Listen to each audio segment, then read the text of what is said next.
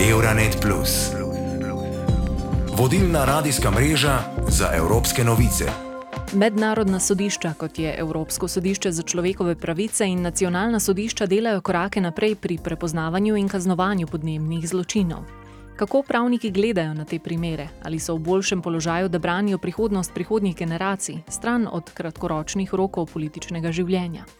Kolegi Euronet Plus mreže z bolgarskega radia BNR so poročali o tem, da so občani Plovdiva leta 2010 prvič obsodili občino zaradi onesnaženega zraka v mestu.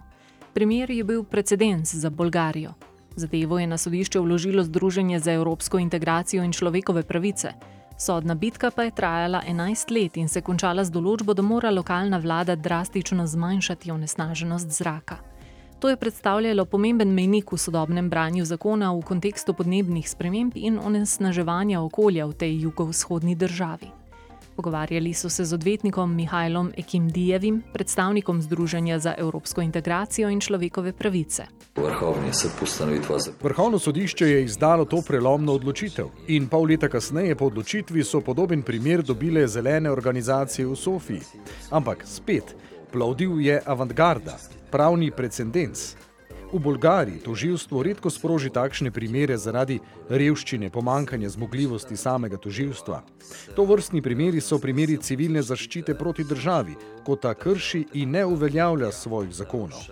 Ne izpolnjava sobstvenite si zakoni. Pred več kot dvema letoma je Litvo pretresel verjetno največji okoljski škandal doslej.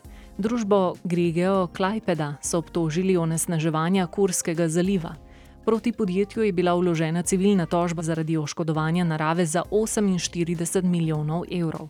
Če bo sodišče priznalo krivdo podjetja, predsednica koalicije za varstvo okolja upa, da bo škoda povzročena naravi dejansko odplačana in popravljena. Mangal, kiek buvo netikėta, kad tikrai paskaičiavo. Bila sem kar malo presenečena, da so res izračunali precejšnjo škodo v naravi. To je prav tako mora biti. Zelo si želimo in to čim prej pridobiti sodno odločbo, saj bomo videli, ali bo odškodnina za škodo v naravi res padla na pleča podjetja, ali ne bo podjetje plačalo le malo in potem nekaj obljubilo. Takrat se bo pokazalo, v kolikšni meri je Litva dejansko uveljavila načelo pravne odškodnine za škodo povzročeno naravi. Poleg tega je treba obnoviti škodo povzročeno naravi. Ni dovolj, da sredstva položimo v proračun. Načeloma je treba ta denar uporabiti za obnovitev tega negativnega vpliva. In za mlade ljudi danes, generacijo, ki se sooča z veliko skrbmi zaradi podnebja, ti primeri prinašajo žarek upanja. Damien Mangon je 23-letni študent iz mesta na jugu Belgije, enega izmed teh, ki so jih julija 2021 prizadele poplave.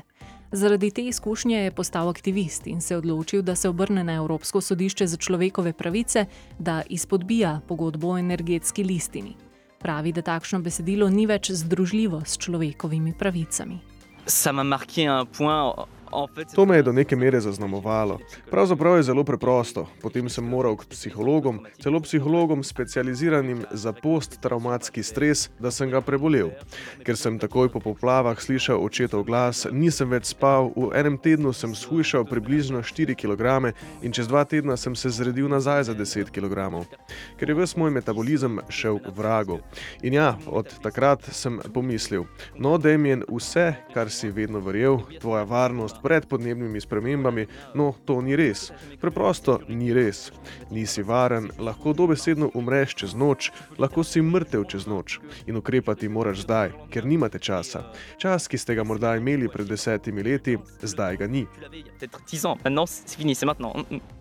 In ni sam, pridružujejo se mu še štiri mlade žrtve podnebnih sprememb iz drugih evropskih držav.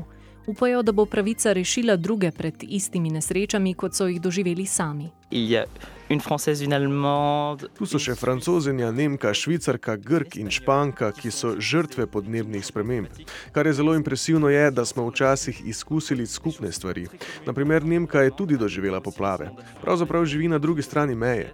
In potem imamo druge zgodbe, naprimer mladega Grka, ki je preživel požare. Res je veliko skupnega, a tudi veliko razlik glede na situacijo. V mednarodnem kazenskem pravu se pojavlja nov koncept, ekocid, ki bi obravnaval resno škodo okolju. Ta koncept je oblikovala skupina strokovnjakov, ki jo je imenovala fundacija imenovana Stop Ecocide Foundation.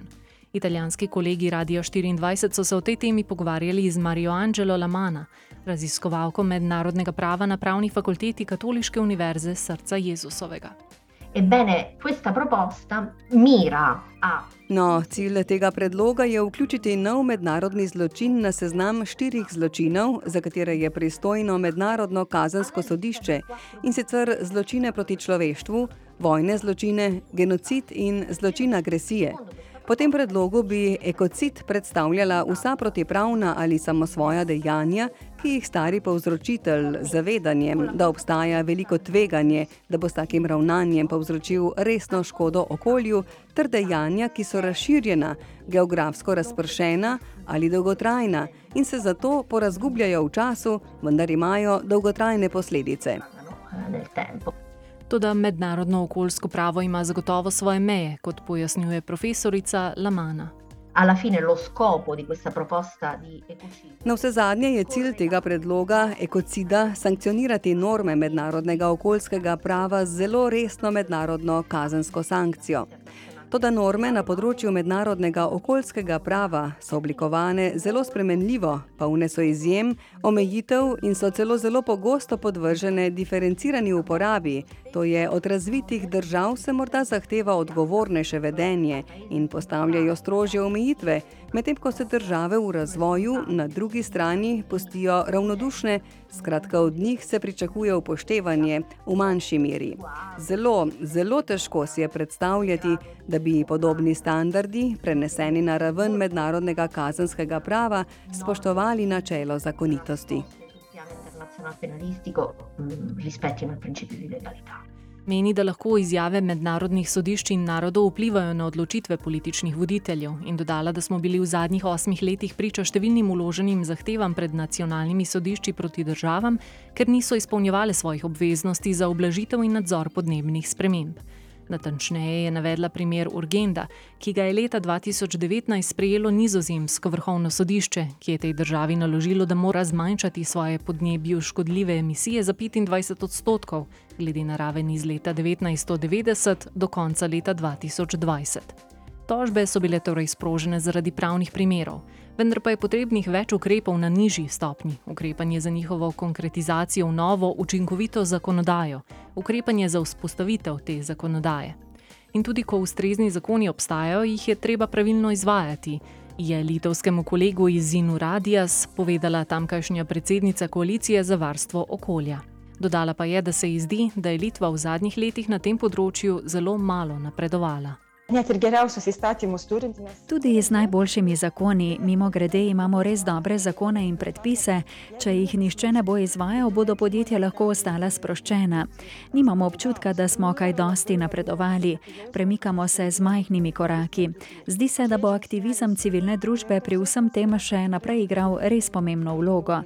Bolj kot bomo aktivni, več bomo lahko zahtevali. aktyvi ir kiek sugebės išsireikalauti. Euronet Plus za boljše razumevanje Evrope.